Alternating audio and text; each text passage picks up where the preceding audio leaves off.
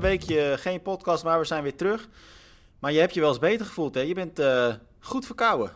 Ja, ik, ik, ik, ben er zo ziek van uh, geworden dat ik jou uh, de vorige keer niet heb gehoord. Ik heb een soort hele effect op jou, hè? Ja, ja inderdaad. inderdaad. Dus, uh, maar ja, jij zat dan uh, in, in Oezbekistan en allemaal uh, moeilijk om, om hier op tijd terug te geraken. en ik was natuurlijk ook aan het bijkomen van een geweldig weekend in, in Knokke-Heist. Ja. Ehm, maar ja, nadien inderdaad een beetje ziek geworden. Nu, het waren drie heel intensieve weekends uh, voor mij. Ik heb eerst vier dagen Europees kampioenschap in Menen gehad. Dan uh, drie dagen Almere, ook uh, EK long distance. En dan nog eens vier dagen knokken voor de 70.3 Ironman. Ja, dan ehm, het lichaam zegt op een gegeven moment ook van ho, ho. ja, ja, ja, dan is het best wel, best wel lang inderdaad. Ik zag dat, dat Menen stopt, hè? Ja, dat was wel, uh, wel verrassend nieuws. Dat is echt uh, ja, een beetje donderslag bij, uh, bij heldere hemel. Um, maar goed, ze, ze, hadden alle drie zoiets van we kunnen beter op een hoogtepunt stoppen. En um, ja, wegenwerken de komende jaren. alle drie, dan bedoel je de drie organisatoren, hè? De drie organisatoren, ja. De drie mannen van het LOC. Uh, dus Henk Ruben en, en Frederik. Um, langs de andere kant is dit wel ook weer het zoveelste EK/WK dat er na één editie moet mee ophouden. Um, dus de, de vraag kan ook gesteld worden van hoe financieel um, gezond is, is het organiseren van zo'n internationaal kampioenschap ook. Ik had de indruk dat dat in Menen overigens wel meeviel, maar het is wel de vraag die ik mij on site een beetje erbij stelde. We hebben het in het verleden nog gezien. We hebben Rotterdam bijvoorbeeld gehad als, als one-off. Dat was na 2017 uh, met het WK daar ook meteen afgelopen. Um, dus dat zijn eigenlijk wel jammere zaken. Um, langs de andere kant heb ik dit weekend ook wel keihard genoten van Pontevedra. Dus je ziet welke sfeer daar hangt. In toch eigenlijk wel naar Spaanse normen een klein stadje, hè, Tim? Pontevedra was echt vet, Hans. Uh, ik ga het gewoon uh, zo zeggen zoals het is. Ik vond het echt tof. Ik ben zelf in, uh, in 2018 in, in Pontevedra geweest. Ook toen met een groot toernooi. Dat was toen dat WK Multisports. Ja, toen heb ik daar een week gezeten. Ook meegedaan toen aan twee wedstrijden, geloof ik. Sowieso die long distance en ook nog de, de duathlon. Maar wat jij zegt, het is, een, het is een klein stadje. Aan de andere kant, het is een stad die triathlon ademt. niemand minder dan Gomez Noya komt er natuurlijk vandaan. Ook, um, um, hoe heet die andere Spanjaard, die kleine? Pablo, Pablo da Peña. Pablo ja. da Peña, inderdaad. Ja. Uh, dus het is echt een stad die, uh, die ook wel die triatleten daar op handen draagt. Uh, dat merk je ook wel als je daar bent. De hele stad rukt ook echt uit om te kijken naar die wedstrijden. Nou ja, en dat zag je natuurlijk zaterdag, vrijdag ook al trouwens en, en, en gisteren ook. Ehm, het was echt een hele vette WTCS-finals. En als ik dan eventjes gelijk naar, naar de Nederlanders kijk... Wat een succesvol weekend hebben wij uh, wat dat betreft achter de rug. We, we hebben natuurlijk afgetrapt met, met Mitch Kolkman, die uh, derde werd onder 23. Nou, dat is echt een grandioze prestatie. Uh, iets later werd uh, Barbara de Koning negende. Nou, dan kan ik me voorstellen dat zij op iets meer gehoopt had. Ze is natuurlijk ja. echt een topatlete, heeft veel gewonnen al dit seizoen. Dus er werd echt wel naar haar gekeken als misschien wel een van de favorieten. Maar goed, dat kwam er dan niet uit. Negende is natuurlijk nog steeds geweldig. Ja, en dan natuurlijk gisteren, zondag. We nemen deze podcast uh, natuurlijk op maandag weer op. Uh, ja, was toch wel wat mij betreft het hoogtepunt. Ook al uh, pakte ze dan geen, geen, geen medaille. Maar Rachel Klamer, die, die vijfde wordt, individueel. En zich daarmee ook rechtstreeks plaatst voor de Olympische Spelen van Parijs. haar vierde Spelen alweer. Uh, ja, Hans, uh, ik, misschien dat jij het moet zeggen met een iets minder gekleurde bril. Maar volgens mij is dat gewoon fenomenaal, toch? Ja, dat klopt. Dat klopt. Um, fenomenaal en ook compleet onverwacht. Ja. Want ik, ik had dit niet, niet voorspeld. Ik vond het sowieso een, een bizarre race. Want niet alleen Rachel heeft het goed gedaan, maar ook bijvoorbeeld onze Claire Michel. Ja. Die plots van, vanuit het niets weer naar een elfde plaats loopt met een heel sterk loopnummer. Terwijl het dit seizoen wat uh, ja, up en down is geweest met, uh, met Claire. En iets te veel down naar haar goesting.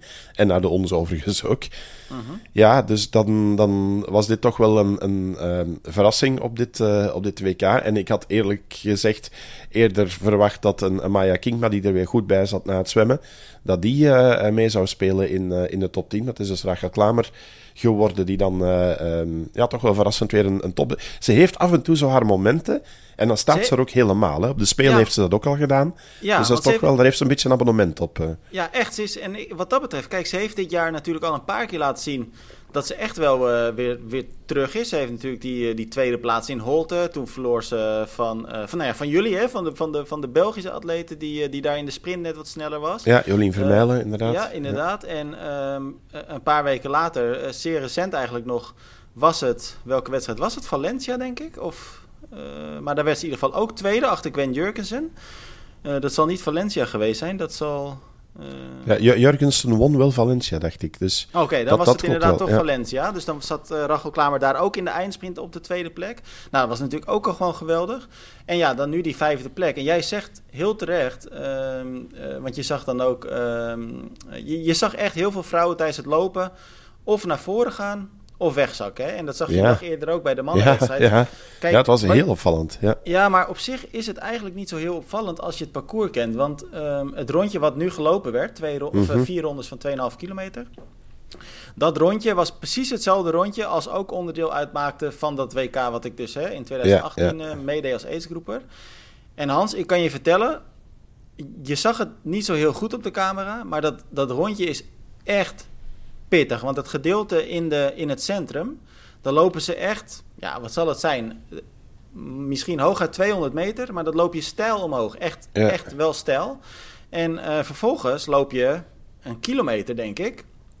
Loop je ja, redelijk glooiend naar beneden eigenlijk. Maar dat is ook een aanslag op je benen. Ja. En dat vier keer achter elkaar, ja, dat, dat is gewoon killing. Dus dan zie je dat echt de sterkste lopers nu, uh, en ook lopers dus, ja, naar voren kwamen. En ik denk ook wel dat dat een beetje het probleem was voor, uh, voor Maya dan. Hè? Want jij zei ook, ze zat er goed bij met het zwemmen.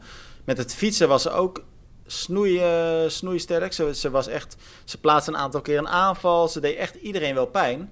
Alleen ja, tijdens het lopen zakte ze ja, toch wel hard weg. uiteindelijk 29ste op, ik geloof, bijna vier minuten achterstand. Ja. Ja, uh, we weten natuurlijk allemaal dat Maya wel gekampt heeft met, uh, met haar vorm. Is natuurlijk een beetje bezig met haar comeback. Haar lopen is altijd al uh, het grootste probleem qua trainingsopbouw. Hè. Ze heeft een redelijk lage belastbaarheid. Ja, goed, ze heeft nog een jaar. Dus ze laat zien dat ze met zwemmen en fietsen echt heel sterk is. Ik kan me ook voorstellen dat er iets aan druk nu bij komt. Nu ze weet dat, uh, dat ze niet meer de enige Nederlandse atleet is die naar Parijs mag. Je wil uiteindelijk ja, waarschijnlijk toch je sterkste, sterkste landgenoot uh, zijn. Nou, het zijn natuurlijk ook niet per se de twee grootste vriendinnen van elkaar. Uh, dat blijkt wel nadat Maya heeft gezegd hoe ze Tokio heeft ervaren met, met, met haar ploeggenoten. Ja, ja. Ik denk dat dat nog best een dingetje kan zijn, toch? Ja, ja dat, dat, dat verwacht ik misschien ook nog wel uh, tussen, tussen die twee. En dan ook nog eens de omkadering daar rond. Um, dus dat, dat ja, laten, laten we hopen dat het allemaal op een serene manier gebeurt. En dat ze alle twee op hun best uh, kunnen zijn in, uh, in Parijs. Um, want dat is alle twee wel, wel gegund.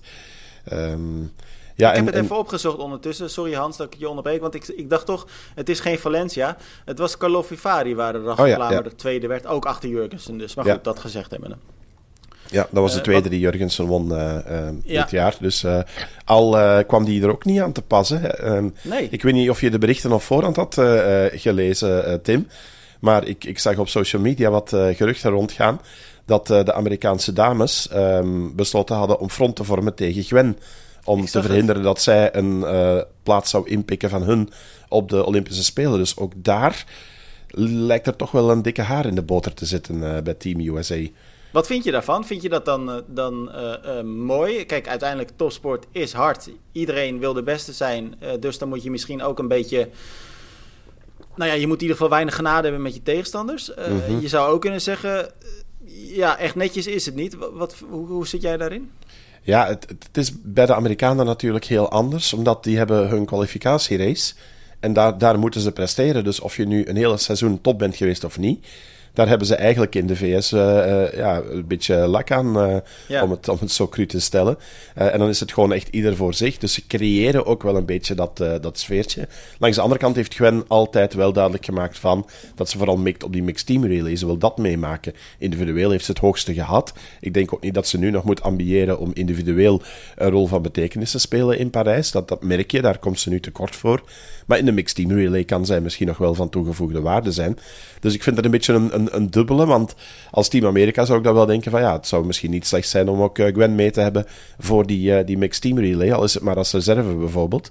Ja, en ehm, vergis dus je niet, Hans, want er waren natuurlijk gisteren wel meer dames van echt topniveau die ja, door het ijszakt is een, is een groot woord, maar die nee, dat, niet aan te pas kwamen. En, maar ze heeft natuurlijk al twee World Cups nu op de naam alweer geschreven. Hè? Dus Carlo uh en Valencia. Dus ja, ze kan het nog steeds, die Jurgensen. Ja, ja, absoluut. absoluut. Maar ik, wat, wat, wat jij zegt, Tim, ik vond het ook zeer opvallend. En ik had dat zaterdag bij de mannenrace ook al. Uh, hoeveel toppers uh, niet hun dag hadden. En anderen dan weer, weer wel. Ik bedoel, als je kijkt naar Helvig en, en hoe die liep, dan denk je van, waar heb je heel het seizoen gezeten, jongen? Um, en, en ja, er waren zo nog een paar gevallen. Je ziet op een gegeven moment uh, Beaugrand, die, die, die het echt moeilijk krijgt en, en moet aanklampen bij Eva Lombardi. Uh, terwijl op dat moment Bed Potter uh, vleugels lijkt, lijkt te krijgen. Ja, dat, dat, zijn allemaal van die ontwikkelingen dat je denkt van, hey, bij ons ook Jolien Vermeilen, heel het seizoen kei goed. Um, en nu denk ik misschien de wedstrijd te veel van een, uh, van een mooie reeks. Um, en dus naar achter geslagen. Ja, weet je, bij, bij een aantal uh, atleten zag je wel van... Ja, misschien is het seizoen net iets te lang geweest. En, en zat het allemaal wat dicht op elkaar de laatste weken. Um, want ja, vooral bij de mannen, hè, zaterdag, dat was echt... Ik heb het nog nooit meegemaakt. Jij wel, zo'n grand final? Nee, het was echt een uitputtingsslag, had ik het idee. En... Uh Kijk, kijk, die wedstrijd was ook echt doorspekt van, van dramatiek, hè? zowel bij de mannen als bij de vrouwen. En als je, kijk, bij de mannen, misschien wel het moment van de race, is natuurlijk het feit dat uh, Hayden Weld, de grote favoriet, ja. Uh, ja, je lacht erom, maar het is voor hem natuurlijk gigantisch zuur wat er gebeurd is. Hij laat zijn badmuts vallen bij het uitkomen van het water. Nou, dan is er blijkbaar nou, we, we, moeten dat, we moeten dat even nuanceren. Ik zou ook aanraden, als je dit luistert, ga een keer op zoek naar, naar de beelden. Um, want hij heeft dus zijn badmuts in zijn rechterhand. Hij wil die naar zijn linkerhand brengen, terwijl hij uh, op weg loopt naar de wisselzone. En vlak voordat hij hem met zijn linkerhand vastneemt, ontglipt die, die natte badmuts hem. Die valt op zijn schoen en dan vervolgens botst die van op zijn schoen tot net op de rand van de kade waar ze over uh, lopen, of van de pier, zeg maar. Ja, op zijn um, blote voet, hè, want ze komen net uit het water. Ja, uh, en, uh, ja op zijn blote voet. Ja, sorry, zijn schoen zei ik zeker. Hè? Ja, ja, ja. Dus ik bedoel maar goed dat je het zegt, want, want, maar blijkbaar is er dus een regel, Hans, ik wist niet of jij die kende, dat ehm, als die badmuts in het water was gevallen... Ja dan had hij door mogen lopen. Dat gebeurde niet. Die badmuts viel dus, zoals jij zegt, op de kade. Uh, in een split second beslist uh, Hedenweld... oké, ik laat hem liggen, want hij zei na afloop ook... ja, als ik het niet had gedaan, dan had ik de aansluiting met die groep voor me gemist... en was ik sowieso kansloos. Uh, maar hij laat hem liggen en dat betekent dus, het betekende blijkbaar... dat hij een penalty, een tijdstraf van 15 seconden kreeg... Uh, ja, en daarmee was hij feitelijk ook gewoon kansloos uiteindelijk... gezien ja. het wedstrijdverloop om nog naar voren te lopen... Ehm, ja, dat zijn natuurlijk gigantisch pijnlijke ontwikkelingen in zo'n wedstrijd, die ook de wedstrijd helemaal bepalen. Ja, ja, absoluut. Uh, nou, dan was heel verrassend natuurlijk de grote achter, achterstand van Alex G. Uh, die uiteindelijk op, uh, ik geloof, twee minuten achterstand aan de run begon. Ja. Bloemenveld, die ook niet uiteindelijk bij macht was om naar voren te komen. Die trouwens ook weer een beetje ziek alweer schijn, schijnt te zijn. Oeh, ja. Ehm, ja, ja, dat is bij alle topatleten. Als je een beetje ja. vorm zet, ik merk het nu ook, dan word je ziek. ja, dit zijn de momenten dat je moet pieken eigenlijk, Hans. Ja, ja. Dus, uh... Maar het, het, het, was echt wel een mooie wedstrijd wat dat betreft, toch? Ja, ja maar ja, dan heb je dus eerst uh, Yi die, die te ver naar achter zit en niet meer komt meespelen. Je hebt dan Wild met zijn penalty. Maar goed, zelfs met die, zonder die penalty had hij ook te ver gezeten. Dat zag je ook um, in die achtervolgende groep kwamen ze ook niet echt heel, uh, heel dicht. Uh, met dank overigens onder andere aan Marten Varil, die een paar keer ja. heeft proberen te ontsnappen en op die, de kop van de groep zat, uh, zat te sleuren. Dus Keep It Real is, is terug. Zijn lopen was nog niet helemaal top. Maar goed om hem er weer, weer bij te, te zien. Ja, en dan dacht ik ook van Varil en uh, dat zijn mannen die elkaar goed kennen. Dat zijn vrienden.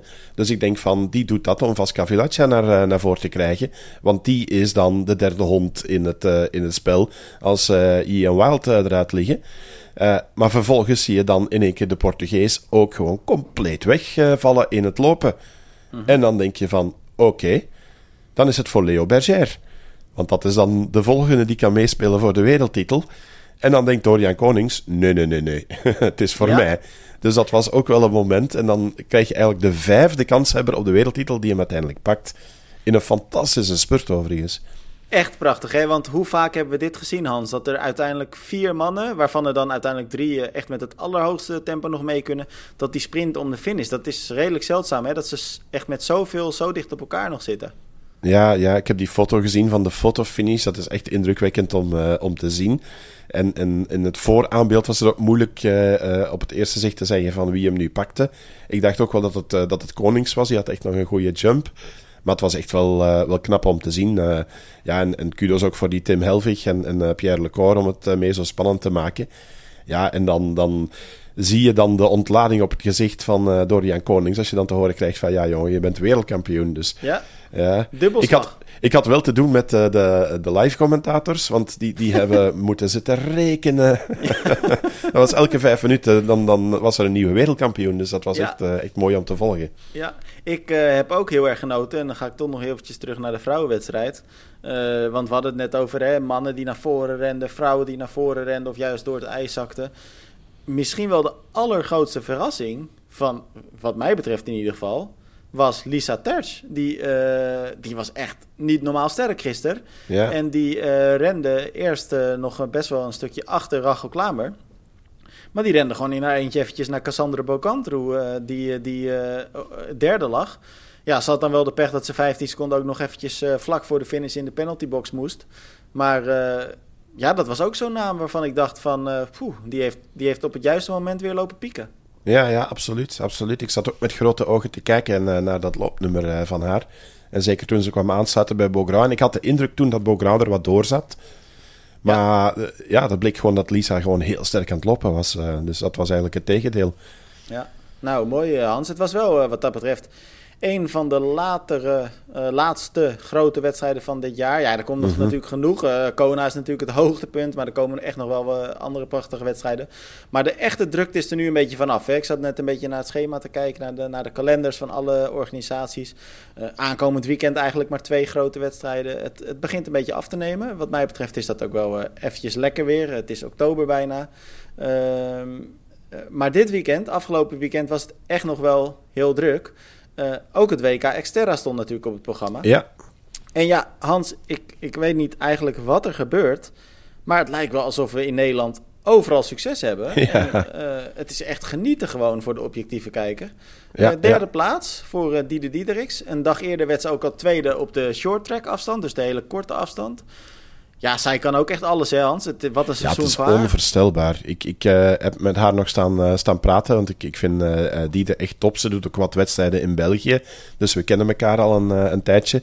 ze werd heel knap vierde in de 70.3 Ironman Knokke Heist. Als ze Nou, daar niet valt, staat ze er altijd op het podium. En denk ik zelfs dat er kans is dat ze meestrijdt voor de overwinning. al werd daar ook wel, wel mooi gespurt. Uh, maar, maar Diedericks kan, kan alles. Hè. Ze wordt Europees kampioene in, in Menen. Um, en dan uh, vervolgens die vierde plaats in uh, 70.3 Ironman uh, Knokke Heist. en nu nog eens twee keer op het podium op het WK Xterra. Ja, ze, is echt aan, aan een superperiode bezig. Dus ja, en, en ze kan alles. Hè. En, en ze geeft ook nergens echt de voorkeur aan. Want ik, ik heb het in Menen uh, ook al met haar daarover gehad. En toen zei ik van... Hè, want daar moesten ze toen kiezen tussen het EK... Nee, dat was in Gerardsbergen overigens. Dat ze moest ja. kiezen tussen Challenge Gerardsbergen of het EK Xterra. Wat toen in Nama was op dezelfde dag. En toen zei ze van ja, ik wou absoluut uh, terugkomen naar, uh, naar Gerardsbergen. Uh, maar ze zei ook, ik wil niet echt gaan kiezen. Dus ik, ik blijf graag de twee combineren, omdat ik ze alle twee even graag doe. En dat is ook wel, wel mooi. Um, en, en je ziet ook dat het ook nog eens vruchten afwerpt. Dus ze is echt wel in een supervorm de laatste tijd. Ja, aan de ene kant uh, zie je dat dat werkt. Aan de andere kant zou je ook kunnen zeggen... zou er niet een moment moeten komen dat je echt wel de keuze gaat maken... als je nou ja, op allebei die onderdelen, hè, die toch wel zo wezenlijk van elkaar verschillen... Uh, zou je moeten zeggen, oké, ik ga me nu echt op die weg uh, richten... of misschien wel op het crossen, hè, maar net wat je voorkeur heeft. Maar denk jij dat dat echt goed te combineren is... en vooral ook blijft als je al die wedstrijden ja, echt om het podium mee wil doen? Ja, ik, ik denk dat het ook een beetje bij de, de, de persoonlijkheid en bij het karakter van, uh, van Diede past om, om voor die twee te kiezen. Je zou je kunnen voorstellen dat op een gegeven moment uh, een, een uh, ja, ik weet niet, iets andere vorm van, van coaching, uh, dat daar bijna verplicht wordt van we gaan nu toewerken naar drie, vier grote doelen en voor de rest ons rustig houden. ik weet niet of ze dat kan, overigens, zich rustig houden en dus een weekendje geen wedstrijd doen, Diede. Ehm, dus ik kan me dat wel, wel, wel voorstellen. maar langs de andere kant is dit ook wie ze is en, en maakt dat het net ook mooi. Um, dus ik, ik, ik, ik, zit een beetje ja, tussen, tussen de twee in, zeg maar. Ja. Uh, ik, ik moet wel zeggen, ik, ik zat de livestream te kijken van, uh, van het WK Exterra. Dat was natuurlijk in Italië nu. Ja. Uh, ik vond het echt een super tof parcours. Het was echt... Ja. Het was, nou ja, het was bij Vlagen snel. Het was bij Vlagen technisch. Het was bij Vlagen ook best wel gevaarlijk. Uh, wat, mij, wat mij betreft hoort het ook wel een beetje bij zo'n cross triathlon. Uh, ja, ik heb echt genoten. En, en we hadden het net over die steile klim in Pontevedra bij het looponderdeel. Nou, dat was eigenlijk niks vergeleken bij wat ze bij, nee, nee, nee, bij dit WK ja, voorgesloten kregen. Echt, ze stonden gewoon stil, hè, soms, ja. Hans. Nee, Molveno is echt een, een, ja, het heeft een parcours wat absoluut een WK waardig is. Uh, je hoort dat ook veel atleten zeggen die daar uh, meedoen. Uh, het is super, super technisch. Het is echt wel een mountainbike parcours. Um, ja, ik blijf alleen natuurlijk weer achter met, en ik heb dat nog altijd hetzelfde met Kona en Nice. Ook hier het verschil tussen Maui en, en Italië. Ja, dat, dat maakt het toch nog wat anders. En ik ben daar ook ter plaatse geweest. Ja, en, en het mythische karakter van die wedstrijd en, en de zwaarte als het daar geregend heeft en, en dergelijke. Ja, Maui was toch nog wat anders. En dat merk je nu ook wel in het WK Externe, dat, dat de, de mannen die het meer van, van de kracht moeten hebben en iets minder van de techniek, die komen er niet meer aan te pas. Dat zag je ook bij ons. Ja. De Belgen zaten een, een, een, een ja, groot stuk uh, achterin. Uh, Sebastien Carabin, ja, veel te veel tijd kwijt in het uh, zwemonderdeel. En dan nog, nog net buiten de top 10 gefinished na een lange inhaalrace. Maar in, Maui heeft hij nog kans om, om richting de vijfde plaats te geraken, omdat het daar uh, ja, met momenten loodzwaar kan zijn. En dit is echt wel een, een typische supertechnische uh, mountainbike parcours in, uh, in Trentino. Ja, dat, dat maakt het toch een heel andere, andere wedstrijd. Uh, en best wel mooi om te zien, maar ik merk ook wel de uitstraling ervan. Ja, dat, dat viel me dan wel weer een beetje tegen. Natuurlijk, ze hebben het grote probleem dat ze net in hetzelfde weekend vallen als de Grand Final. Waar dan eigenlijk alle aandacht een beetje naartoe gaat. En dat is dan weer een beetje jammer voor uh, ja, alle omkadering en pers uh, voor, voor het WK Exterra. Dat merk ik bij ons ook wel overigens. Ja, ja, ja, en dan weet je, ja, eigenlijk weet je ook wel dat het natuurlijk altijd een beetje een, en dat klinkt dan zo respectloos, maar het is wel een beetje zoals het is. Het is toch een beetje een on, ondergeschoven kindje. Uh, het is gewoon een minder populaire discipline. Uh, maar helemaal met je eens, het is jammer, want het was echt een mooie wedstrijd. Zoals ik net al zei, een super mooi parcours. Uh, als, je, als je die livestream kijkt, dan ja, kan ik me haast niet voorstellen dat je gelijk gegrepen wordt. Of dat je dus niet gegrepen wordt door, nou ja, door de magie die dit WK met zich meenam. En nou ja, wat dat betreft denk ik dat ze heel wat uh, moois hebben om op voor te bouwen. ik wil ja, en, en ook nog eens, overigens, die, die short track, want ik weet niet of je die hebt gevolgd op de livestream, nee. Tim. Ja, dat was ook wel wat. Bij, maar als ik heel bij de, bij de mannen ik vind kregen het een beetje een suf concept. Ja? Ja, ik vind het een beetje irritant dat ze dat dan een dag voor het nou ja, tussen haakjes twee, twee echte dagen, WK ja. doen. Ja, ik, ik, dat, dat haalt een beetje de... Ja, ik weet niet, dat, het haalt niet de magie weg, maar dan denk ik bij mezelf... Het is ook gewoon een beetje te veel dan of zo. En dan denk ik, ik vind het ook een beetje... Ja, ik weet niet. Ik vind het ook een beetje suf. Ik heb ook het idee dat als je op die vrijdag, want dit was dan op vrijdag, was dan dat, dat short track. Don, donderdag, op, donderdag was het short track. Sorry. Dus twee dagen dag, voor de wedstrijd, ja. Oké, okay, nou ja, goed, twee dagen. Maar dan heb ik toch het idee dat als je daar wil pieken, dat je dan twee dagen uh, daarna, dat je dan ja, toch wel iets van je energiekracht al kwijt bent of zo. En dat vind ik zo zonde. Ja, ja. Ja, langs de andere kant bij de dames zie je wel twee keer uh, dezelfde winnares. Dus op zich kan het. Uh, en die, de, die dan tweede was in de short track en nu derde, die bewees het eigenlijk uh, ook. Bij de mannen mm-hmm. ja, ligt het wel iets genuanceerder, maar daar heeft dat ook weer te maken met de zwaarte van het parcours. Ik vind de short track net zo leuk, omdat het, ja, dit is lekker compact. Op een half uur is het klaar. Het is 300 zwemmen, het is 8 mountainbiken en 3 kilometer lopen. Uh, en, en je ziet heel kleine verschillen en, en er zit heel veel spanning in. En dat heeft ja, zo'n WK Xterra over de langere afstand dan weer eigenlijk niet. Want uh, buiten de twee Fransen vooraan is er nooit spanning geweest in, in de wedstrijd. Um, en, en dat is ook een beetje het nadeel van... van ik vind Xterra ja. een zeer mooie discipline. Maar het mist af en toe wel die, die spankracht... Uh, wat je dan bijvoorbeeld in Pontevedra wel had. Uh, met met ja, een compact groepje richting de finish. Een sprint met drie bijvoorbeeld bij de mannen. met twee vrouwen die richting de finish gaan. Ja, dat, dat, dat maakt het net wel iets, iets ja. Ja spectaculairder om, om te zien. Uh, dus Xterra heeft het parcours, maar de, de, de short track heeft dan weer die spankracht ook. Uh. Nee, dat ben ik met je eens. En ik moet ook zeggen, ze deden het ook echt super goed met de livestream. Het werkte allemaal perfect. Maar als je, ja, misschien een beetje een gek voorbeeld, maar ik vraag me dan af hoe jij daar naar kijkt. Als je bij wijze van spreken teruggaat naar twee weken geleden Challenge Almere, dan wordt Menno ja. Koolhaas Europees kampioen op de, op de lange afstand.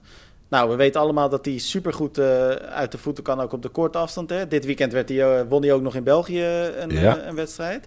Maar ja, hoe zou jij er naar kijken als hij bijvoorbeeld de donderdag voor Almere nog een, een sprintafstand doet? Dat, dat zou je dan toch ook niet zo heel tof vinden, of wel? Ja, ja, ja, ja, ja ik, ik, snap, ik snap je punt. Um, maar dat is dan wel voor een volledige, ja, dan zou je dat zeker afraden. Um, ja, maar het is meer dat ik dan vind dat de aandacht van wat ja. volgens mij dan de belangrijkste Ja, misschien, misschien zou het gewoon beter zijn als ze de volgorde omdraaien. En als ze zeggen van we doen op zaterdag de ja, lange afstand en op zondag de short track, net zoals ze het in mountainbiken doen. Want vaak is daar de uitslag van de lange afstand, de eerste 30 geloof ik, mogen starten op de short track. Maar volgens mij doen ze dat met Xterra ook wel eens. Dat ze dat ja, ja, ja, inderdaad. Ja. ja. Maar nu niet nou ja, voor dit WK. Dus ik denk dat ze...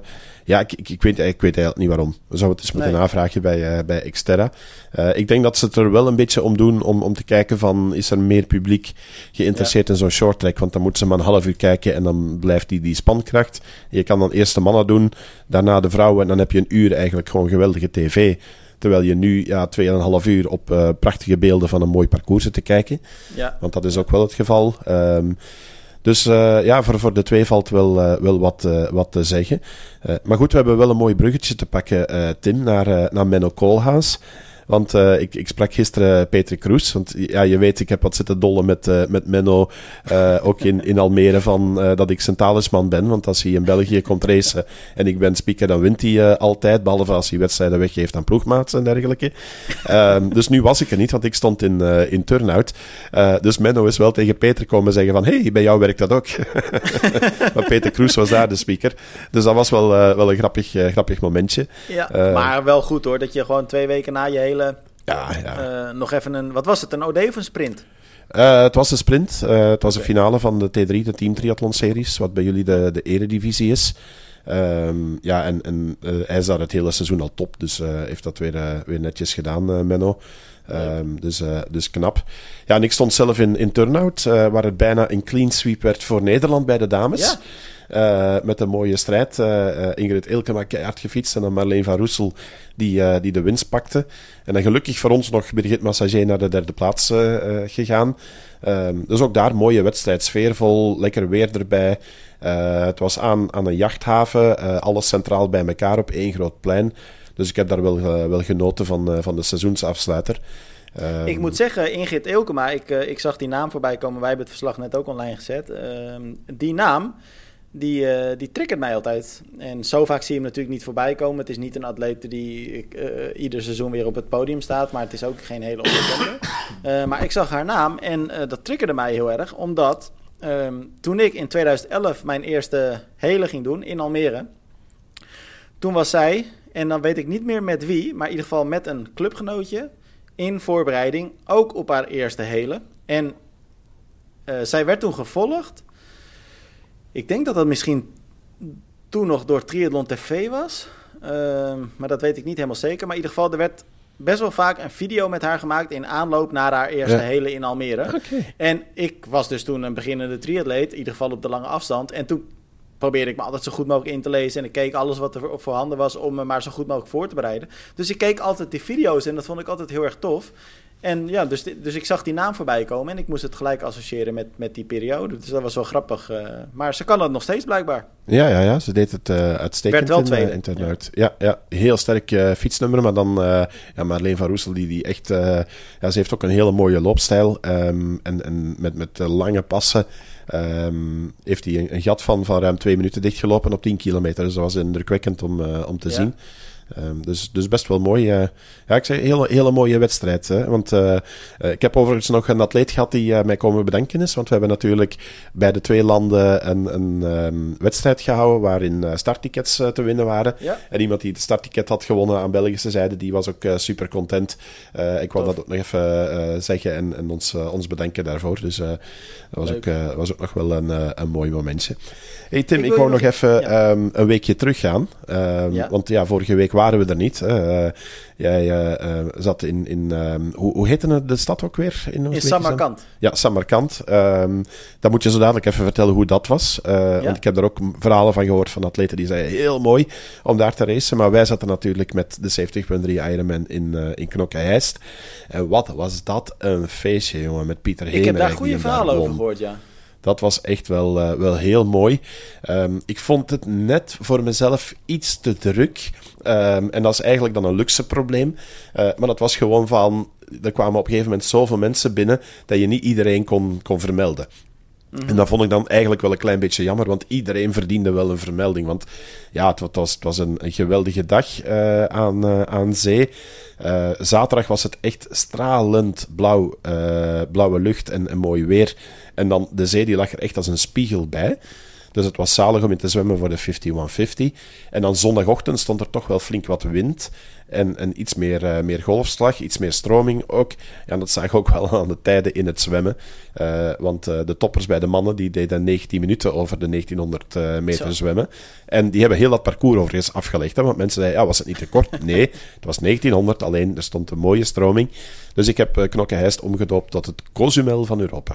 ja, ja, ja, het werd echt hard gezwommen. Ik zag het ook bij, bij de Nederlandse aidsgroepers, die best wel in grote getalen persoonlijke records zwommen. Ja, ja, ja, ja, veel Nederlanders ook aan, aan de start. Het was, het was mooi om te zien. Het was echt een, een, een waar triathlonfeest. Um, dus ik heb daarvan genoten. Natuurlijk met Pieter Hemerijk ook in een, uh, in een hoofdrol. Dat was ook top. Al had hij geen superdag, zei hij achteraf ook in het interview uh, tegen me. Ehm, maar maar ja, bleef ook daar lang spannend. En, en een paar opzettende jonge gasten. Um, ja, er, er, komt weer een generatie aan overigens, Tim, die we in de gaten moeten gaan, gaan houden. Mm -hmm. De mannen die, die in Cork en in Gdynia onder andere top waren de afgelopen weken. En dat waren toen een beetje verrassende namen voor ons. Maar als je nu gaat kijken, dat zijn wel mannen die, die, die zeer snel, uh, snel lopen. Uh, die, die Wilhelm Hirsch die, die had uh, een halve marathon van 1.09 in Gdynia. En die ging nu ook weer snoeihard in, in Knokke-Heist. En dat is toch niet echt meteen een naam die wij echt direct associëren met topprestaties, Tim? Nee, en, en wat dat betreft denk ik ook wel dat het gewoon heel erg tof is dat je nu zo'n populaire grote Ironman in België hebt. Omdat je. Um, kijk, hoe dichter bij die wedstrijden zijn. Uh, en voor jullie is het dan in eigen land. Voor ons is het dus nou ja, bij ons buurland. Uh, hoe dichter bij die wedstrijden zijn hoe meer je ook in aanraking komt met de profatleten eigenlijk die daar in actie komen. Hè? Ja. En uh, tuurlijk, Knokijs is geen wedstrijd waar uh, uh, ineens een Jan Frodeno... Nou goed, Frodeno is nu met pensioen, maar waar Frodeno ineens aan de start staat of een Daniel Reeve. Maar je ziet er echt wel serieus grote namen. En wat jij ook zegt, ook jongens en, en meiden die net onder dat niveau zitten... maar echt tegen dat wereldtopniveau al aanschuren. En ja, wat mij betreft is dat gewoon een super mooie kans om dan dat soort topatleten te leren kennen, om ze een keer in actie te zien komen. Nou ja, wat jij zegt, er was een super goede sfeer. Uh, ja, volgens mij is dat echt heel vet om dat dan in, in België te kunnen beleven. En, en tegelijkertijd is het heel erg jammer dat dat in Nederland nu niet meer kan met een Ironman. Maar daar hebben we natuurlijk uh, dan gelukkig Challenge Almere voor. Ja. Uh, maar hoe en meer en West-Friesland, hè? Want, um... en, ja, hij komt weer terug. Maar ja. goed, dat, ja, misschien dat we het daar volgende week eens wat uitgebreider over moeten hebben. Want ik vind dat best een apart verhaal, eerlijk gezegd, gezien alle kritiek. En wat ik ook heel erg apart vind is dat er nog steeds atleten zijn die lopen te verkondigen dat het daar goed geregeld, wa ja. ja. goed geregeld was. Ja, ja dat, dat blijft wel die, die. We hebben daar de, de vorige keren ook over gehad. Er is ongeveer ja. de helft die in het, het eerste deel zat en die vond dat het allemaal prima was. En dat geloof ik ook. En dan zijn er een groot deel atleten die in het, het tweede deel van het veld zaten. En het zijn vooral zij die klaagden over te weinig water, te weinig bevoorrading. Dus het, ja, het, het is een verhaal met twee kanten uh, in, in. Ja, dat, in maar dat snap ik heel goed, Hans. Maar het verbaast me wel dat als je in die eerste helft van die atleten zit waarbij het wel goed geregeld was, dan ben je toch niet helemaal blind voor de verhalen die zich blijkbaar achter jou hebben afgespeeld. Uh, ja, dan begrijp je toch wel dat is dat wel is. iets wat ik tegenwoordig meer en meer merk onder de triatleten. Het is allemaal, en ik heb de indruk dat dat ook een beetje, denk ik, de nasleep is van de hele COVID-pandemie en, en, de manier waarop wij met onze medemensen in het algemeen omgaan. Uh, het, het, is toch net iets meer ieder voor zich geworden, krijg ik af en toe de indruk. Uh, het gaat erom van hoe jij het beleefd hebt en hoe de anderen het beleefd hebben hebben, dat komt dan iets meer op de tweede plaats. Dat zal niet bij iedereen zijn, hè, want ik veralgemeen nu een beetje. Maar het is wel een klein beetje een trend ook die ik, uh, die ik merk op, op veel vlakken. Uh, dus misschien heeft het daar ook mee, uh, mee te maken. Dat, maar goed, dat moeten we voor, voor een andere keer houden. Um, want ik wou het vooral inderdaad hebben over dat we terug inderdaad Ironman hebben in, in België. Um, met overigens een mooie vermelding voor, uh, voor Challenge Almere. Want ik, ik stond nog met uh, Lucy Buckingham Hall uh, te praten. En um, die, die, die, die zijn in het interview al van dat ze de zege eigenlijk opdroeg aan Els Visser. Ze zei, die ah. heeft mij geïnspireerd met die fantastische overwinning in, uh, in Challenge Almere.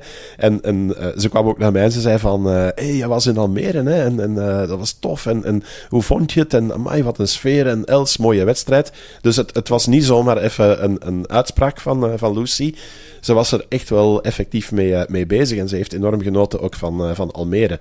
En vond ik wel knap dat ze daar, daar nog even wat over kwam zeggen. Dat is heel tof inderdaad. En, en ook wel leuk om te horen. Want ik moet zeggen, ik was dan dus in Samarkand, Oezbekistan. Er stond een klein profveld, maar wel echt een sterk profveld aan de start. Uh, Frederik Vonk onder andere, Aaron Royal, uh, uh, Emma Pellant Brown, Sebastian Kienle, die alleen wel de avond van tevoren helaas af moest zeggen omdat hij ziek was. Maar grote namen dus. En eigenlijk stuk voor stuk kwamen ze ook naar ons toe. En ja, begonnen ze uit zichzelf over de recordtijden die in Almere neergezet waren. En dan moet ik er wel eerlijk bij zeggen, de helft wist dan de naam van Menno Koas niet. Maar ze wisten wel dat hij een 7.36 had genoteerd. Uh, dus ze zeiden wel allemaal, zo, dat Almere, dat is wel echt serieus een snelle wedstrijd dan. Uh, dus Almere heeft zich wat dat betreft uh, goed op de kaart gezet. Ehm, Samarkand, Hans. Het was echt, ik kan niet anders zeggen, het was echt een toffe wedstrijd. En ehm, het was de eerste editie daar. Ehm, ja, ik weet niet hoe het met jou zit. Als ik Oezbekistan zeg, denk ik niet per se aan, aan triathlon. maar het was echt een hele goed georganiseerde wedstrijd. En ja, ik moet zeggen, het parcours, het was volledig verkeersvrij. Er stonden, hou je vast, 3000 militairen langs het fietsparcours alleen om het verkeersvrij te houden. Dus het was echt, ik heb nog nooit zo'n goed afgesloten parcours gezien. Misschien is nou dat de oplossing, Tim. Ja, voor de toekomst. ik bedoel, we hebben veel te weinig verkeersregelaars, noemen ze het in, uh, in Nederland, zijgevers bij ons. Uh, die hebben we constant te weinig. Uh, sommige organisaties verdwijnen daarvoor, of moeten een wedstrijd inkorten of, of stilleggen of dergelijke. Dus misschien is, is het leger de oplossing. Dat we gewoon nou een aantal soldaten inzetten om onze wegen af te sluiten. Ja, goed plan. Ja, het zou, het zou wel top zijn. Het was echt perfect geregeld. En, maar het was echt een hele belevenis. En kijk, Oezbekistan, ja, dan praat ik voor mezelf. Maar ik denk dat dat voor heel veel mensen geldt. Is niet per se een land waar je heel snel zal komen, denk ik, als je daar niks te zoeken hebt. Wat mij betreft is deze triathlon echt een reden om er een keer heen te gaan. Uh, Samarkand is, uh, ja, ligt op de, de zogenaamde Silk Road. Hè. Dat is eigenlijk de handelsroute die Azië met Europa verbindt al ruim 2000 jaar. Het is dus echt een, een stad met een rijke historie. Uh, zie je ook in de hele stad terug. Uh, wat ik zelf heel fijn vond, Oezbekistan is natuurlijk, ja, het is een soort mengelmoes tussen Azië en Rusland. Het is allemaal wat verouderd. Maar rondom het evenemententerrein ligt eigenlijk een soort hotelcomplex. Uh, met een stuk of zes, zeven hotels. Allemaal ultra luxe. Dus je zit wat dat betreft ook wel echt in je bubbel. En vanuit die bubbel kun je natuurlijk de, de wijde omtrek, de stad, maar ook misschien nog daarbuiten verkennen. Um, ja, ik heb echt een hele toffe tijd gehad. En ik, ik weet bijna zeker dat als je deze race een keer doet, uh, ja, dat je echt, echt wel heel enthousiast gaat zijn. Het, is echt, uh, het verbaasde me heel erg, eerlijk gezegd. Ja, ja ik had die, die foto's uh, vooraf ook gezien van, van de oude binnenstad. En dat ziet er allemaal geweldig uit. ik vroeg me af van, ja, wat gaat dat geven als je daar, zeg maar, het modern plaatje overkleeft van, van triatleten die daar aan het, aan het lopen zijn. Want liepen ze ook effectief door de binnenstad, Tim? Nee, fietsen wel, lopen niet. Het lopen was om een, uh, Ja, het evenemententerrein was eigenlijk rondom een, een roeibaan uh, gepositioneerd. En het lopen was vervolgens vier rondes om die uh, roeibaan heen. Het fietsen ging echt twee rondes dwars door de middenstad. En uh, um, bij die binnenstad reed je ook echt recht langs alle hoogtepunten. Dus ja, ik weet niet eens meer hoe die gebouwen heten, maar dat waren allemaal tempels en moskeeën. En dat zag er echt prachtig uit. Het was echt adembenemend mooi. En dat leverde ook prachtige wedstrijdfoto's op. Ik zag ze later voorbij komen. Ja, als je dan een Funk in zijn volledige aeropositie uh, langs zo'n prachtig gebouw ziet rijden. met allemaal mensen klappend langs de kant. Hè, die eigenlijk nog nooit zo'n dure fiets natuurlijk gezien mhm. hebben. ja, ik, ik vond het geweldig. Ja. Hoe, hoe was het met de, de, de Oezbeekse triatleten? Hebben er daar wel veel locals meegedaan? Of, uh... Heel veel zelfs. Uh, maar die konden natuurlijk niet tippen aan, uh, aan, aan, aan de Europese topatleten. Het was wel grappig. Er was de dag van tevoren was er een, een zogenaamde professionele sprintrace. Uh, en daar stonden dan de Oezbeekse uh, profs aan de start. Nou, sommige gingen inderdaad snoeihard, maar dat waren eigenlijk vooral uh, Oekraïners en, en Kazachen. Ehm, maar ja, de, de Oezbeekse helden, die deden in sommige gevallen zelfs schoolslag of met moeite ja. Maar weet je, ze waren heel enthousiast, Hans. En ik denk dat dat ook heel wat waard is. En ja, dat vind ik ook. Uh, want ik, ik wil er overigens niet, niet lacherig over doen. Het was gewoon puur uit interesse dat ik het, uh, nou ja, dat ik het vraag. Omdat het is een, land wat wij minder kennen. En al helemaal niet ja. op triathlonvlak. Hè, dus, uh... Nee, maar dat levert natuurlijk wel grappige beelden op. Zo eerlijk is het wel. Als je een zogenaamde professionele race hebt. En je ziet dan mensen inderdaad in, in, in een zwembroek. En soms zelfs zonder zwembrilletje. racefietsen die echt wel oud zijn ja, weet je, wij zijn dat niet gewend. Dus dat is best wel grappig. Maar nou ja, weet je, Oezbekistan die zet heel erg in op de ontwikkeling van het triathlonsport. Nou, ik denk dat we dat alleen maar kunnen aanmoedigen. Uh, en een wedstrijd als dit helpt daar natuurlijk enorm bij. En weet je, ze hadden alles echt wel goed geregeld. Er was een livestream. Nou, werkte niet uh, even goed altijd. Uh, er was op een gegeven moment een camera te weinig. Ja, het zijn gewoon opstartproblemen die, die, die, die, jammer zijn. Maar dat ja, hoort er ook wel een beetje bij bij zo'n land, denk ik. Maar al met al gewoon echt een hele toffe race. Alle profatleten waren heel enthousiast. Nou, het was jammer dat Emma Pellen Brown een off-day had. Die, eh, die, die werd echt mm -hmm. onwel bij de finish nog. Uh, heeft echt een half uur uh, medische hulp gekregen. Uh, was daarna weer helemaal de oude. En wat ook wel leuk was, we zijn dan nog met alle profatleten de middag na de race... zijn we dan met z'n allen echt de binnenstad in geweest. Hebben alle, alle sightseeings, hebben de sightseeing gedaan. En, ja, dus dat was wel leuk. Met elkaar geluncht en ehm, ja, bijzondere, bijzondere week gehad. Ja, ja. En, en dingetje wil ik, overigens nog, nog mooi daar in, eh, in Samarkand, uh, daar deed een wereldkampioen uh, mee, uh, Valerio Corridori. bij ons okay. ook wel beter bekend als Papa Corridori. Dat is namelijk ja. de papa van, van Betta, onze okay. Ironman Pro. Zij deed in, in Knokke-Heist mee. Ze zei, ja, haar papa was de week daarvoor in Nice wereldkampioen geworden in zijn agegroep. En um, ze zei, ja, dan doet hij een week later gewoon mee in uh, Challenge Samarkand. En ik zei tegen haar, ik zeg, komt dat hij niet mee komt doen dan ik ook, hij samen met jou. Ze zei, ja, hij wil geen wedstrijden samen met mij doen, want dan heeft hij dubbele stress. Zijn eigen wedstrijd en dan ook nog eens de spanning rond mijn wedstrijd. Dus, uh, ja, nou, grappig. Ik heb ja. hem niet, uh, niet gezien of ook niet voorbij zien komen op de lijst, maar leuk dat hij erbij was.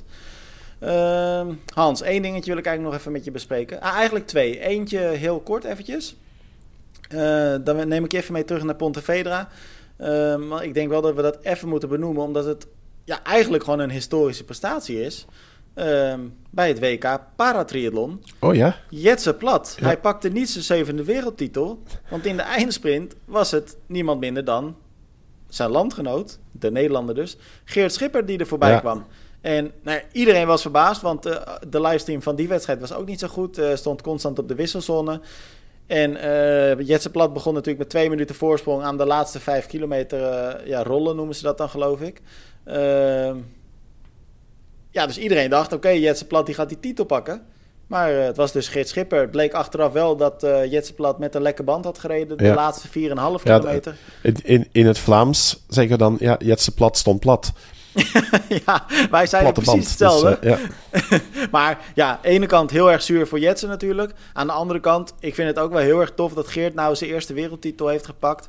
En uh, ja, hij zal ook de eerste zijn die erkent dat hij een beetje geluk daarbij heeft gehad. Schreef dat ook op zijn socials. Maar hij zei ook heel terecht, uiteindelijk draait het om welke atleet als eerste over de finish komt. Ja, klopt. En, uh, en dat was gewoon Geert. En, uh, dus, dus dat was tof. Het andere ik denk ook wel dat Jets het hem gunt, hoor. Dat, ja, dat, nou... ze, ze, gaan al zo lang samen door de wedstrijden heen. Dus ik, ik denk als, als iemand dan van hem moet winnen, dat, dat Jets ook wel zoiets hebben, dan mag het Geert zijn. Ja, maar wat mij dus heel erg verbaasde, Hans. ik hang daar geen oordeel aan, laat het duidelijk zijn. Maar het verbaasde me wel. Was dat uh, Jetse Plat vrij snel na de wedstrijd een post online zette op zijn socials. Waarin hij dan aangaf dat hij een lekker band had. Maar hij feliciteerde daar Geert niet.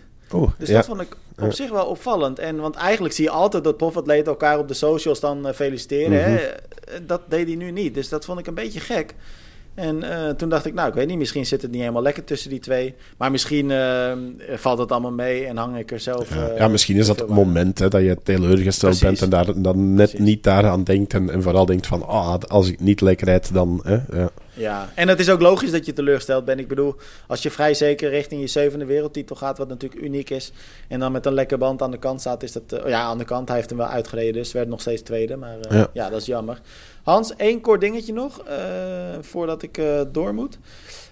IQ Square. Ik weet niet, volgen jullie dat in België een beetje, dat verhaal? Uh, ja, ik, ik volg het omdat ik het uh, ken van op triathlon.nl. Ik denk dat het bij ons net iets minder speelt. Ik denk dat het vooral veel Nederlanders zijn die, uh, die ja, zeg maar opgelicht zijn. Hè.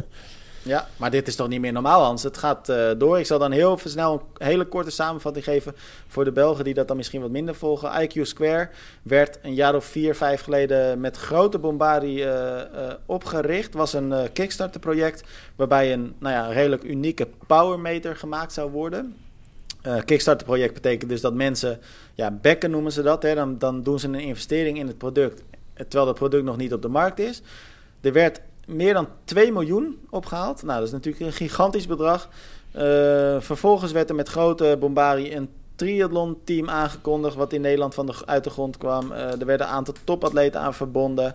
Uh, die werden allemaal in een huis gestopt. Er werden de coaches aangesteld daarvoor. een kok, geloof ik. Nou, dat was helemaal eigenlijk te mooi om waar te zijn.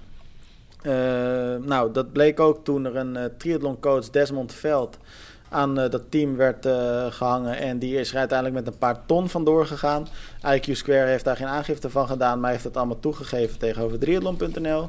Uh, eh, was sowieso al niet echt van onbesproken gedrag, die man trouwens. maar het allerergste is, de rest van het geld we weten niet echt waar dat voor gebruikt is, maar niet voor de ontwikkeling van die powermeter. Ja. Want die powermeter is er nog steeds niet. Nou ja, er zijn allerlei oplichtingsprogramma's in Nederland die zelfs bij, uh, bij die eigenaar Kees-Jan Klant lang zijn gegaan. Gaf natuurlijk steeds niet thuis. Maar een heel lang verhaal kort, want er speelt heel veel rondom uh, dit merk IQ Square. Maar heel lang verhaal kort, het is eigenlijk gewoon pure oplichting. Ja, ja. Uh, want de powermeter is er nog niet, maar er zijn nu wel mooie nieuwe kleurtjes om erop uh, te, ja, te monteren. En, ja. en wat ze doen is, ze hebben dus gewoon een nieuwe Facebookpagina. Ze hebben alle negatieve comments, dat zijn er echt duizenden. Hebben ze allemaal eraf gehaald. Maar ze blijven gewoon mensen vragen om te investeren in het product. En nu dus inderdaad in nieuwe kleurplaatjes. Ja, Hans, het is toch eigenlijk te sneu voor woorden dat dit constant door kan gaan. Ja, ja. Ja, dat is toch is, eigenlijk bizar? Het is heel bizar dat dit, uh, dit gebeurt. We hebben een, een gelijkaardig uh, ding in uh, België op dit moment met de man achter fietstransport. Um, die dan... Oh, dat speelt nog? zo gezegd, ja, failliet of niet. Want hij stuurde dan wel een mailtje naar ons om te zeggen van ja, ik ben niet failliet en gelieve het artikel te depubliceren. Dan denk ik okay. van ja, als je niet failliet bent, dan ga je dus mensen terugbetalen die geen vervoer hebben gekregen naar Lati. Vervolgens heeft hij gewoon doorgestart met fietsvervoer.be, nieuwe website opgezet. Uh, terug beloftes maken, atleten weer geld betaald. En dan hoorde ik dit weekend weer van een atleet die zei van ja, lap, ik heb het weer aan mijn rekker. Uh, hij is zogezegd ziek en um, kan dus niet naar een volgende wedstrijd uh, trekken. Dus ik, ik uh, kan alleen maar mensen aanraden om uh, voor uh, ja, alternatieven te zorgen en, en eens te horen naar, wat was het, de Road Traveler, geloof ik. Een, een bedrijf wat ook gespecialiseerd is in het vervoer van fietsen en die onder andere naar Cascais een reis inleggen. Dus mensen die nog een fiets in Portugal willen krijgen, kunnen misschien beter daar eens, eens horen. maar ook dat een, een, een heel vreemd verhaal. En dan denk ik van ja, dat zou toch niet mogen kunnen, dit. Nee, en vooral niet dat het zo lang doorgaat, hè? Ja, ja inderdaad. inderdaad. Um, nou ja, ik denk nou. nu, uh, want, want wij zijn er dan vooral, ik ben er niet om een waardeoordeel te vellen over de man in kwestie en dergelijke, en of hij nu failliet is of niet. Um, het is gewoon, ik vind het vooral jammer voor atleten die erop rekenen dat hun fiets ter plaatse komt, dat ze geld kwijt zijn, en dan gaat het over bedragen van 200, 300 euro. Ja, dat is niet eens het ergste van de, van de wereld, uh, maar het is gewoon, als je erop rekent dat je fiets ter plaatse raakt voor jouw wedstrijd van het jaar, ja, dan is dat bijzonder zuur, dus dat zou niet mogen gebeuren. Nou, we hebben, de, we hebben in ieder geval eh, de luisteraars gewaarschuwd, Hans. Ja, ja voilà. voilà. Hans, uh, ik zou zeggen, ziek goed uit. Ja. Want Vieux komt er natuurlijk ook aan. Ja, ik probeer uh, uitzieken met trainen te combineren. Dus we, we blijven ervoor gaan. Ja, maar dat is best lastig, denk ik. Ja, de, hartslag die, die lag wat hoger van het uh, weekend. Nu, ik heb zondagochtend nog 50 minuten gelopen. Uh, helemaal niks gevoeld, want dat was dan natuurlijk wel de grote vraag. Maar aan beide knieën geen last meer. De knie heeft mij volledig belastbaar benoemd, dus ik mag weer okay. alles. Um, dus op zich, uh, ja, nu goed, goed terug opbouwen en een paar leuke duurtrainingen doen. Um, alleen zaterdag weer lek gereden, Tim. Als het ik regent, rijd ik lek. Dus deze keer wel kunnen herstellen en door kunnen gaan. Uh, maar dat was, uh, ja, ja. Dus ik, ik ben ja, je moet, maar zo de, je moet maar zo denken, Hans. Liever nu lek dan in de wedstrijd. Voilà, ik wou het net zeggen. En, en dus dan, uh, dan is dat eigenlijk nog wel een meevaller. Alright, Hans. Thanks weer en ik spreek je volgende week. Tot de volgende.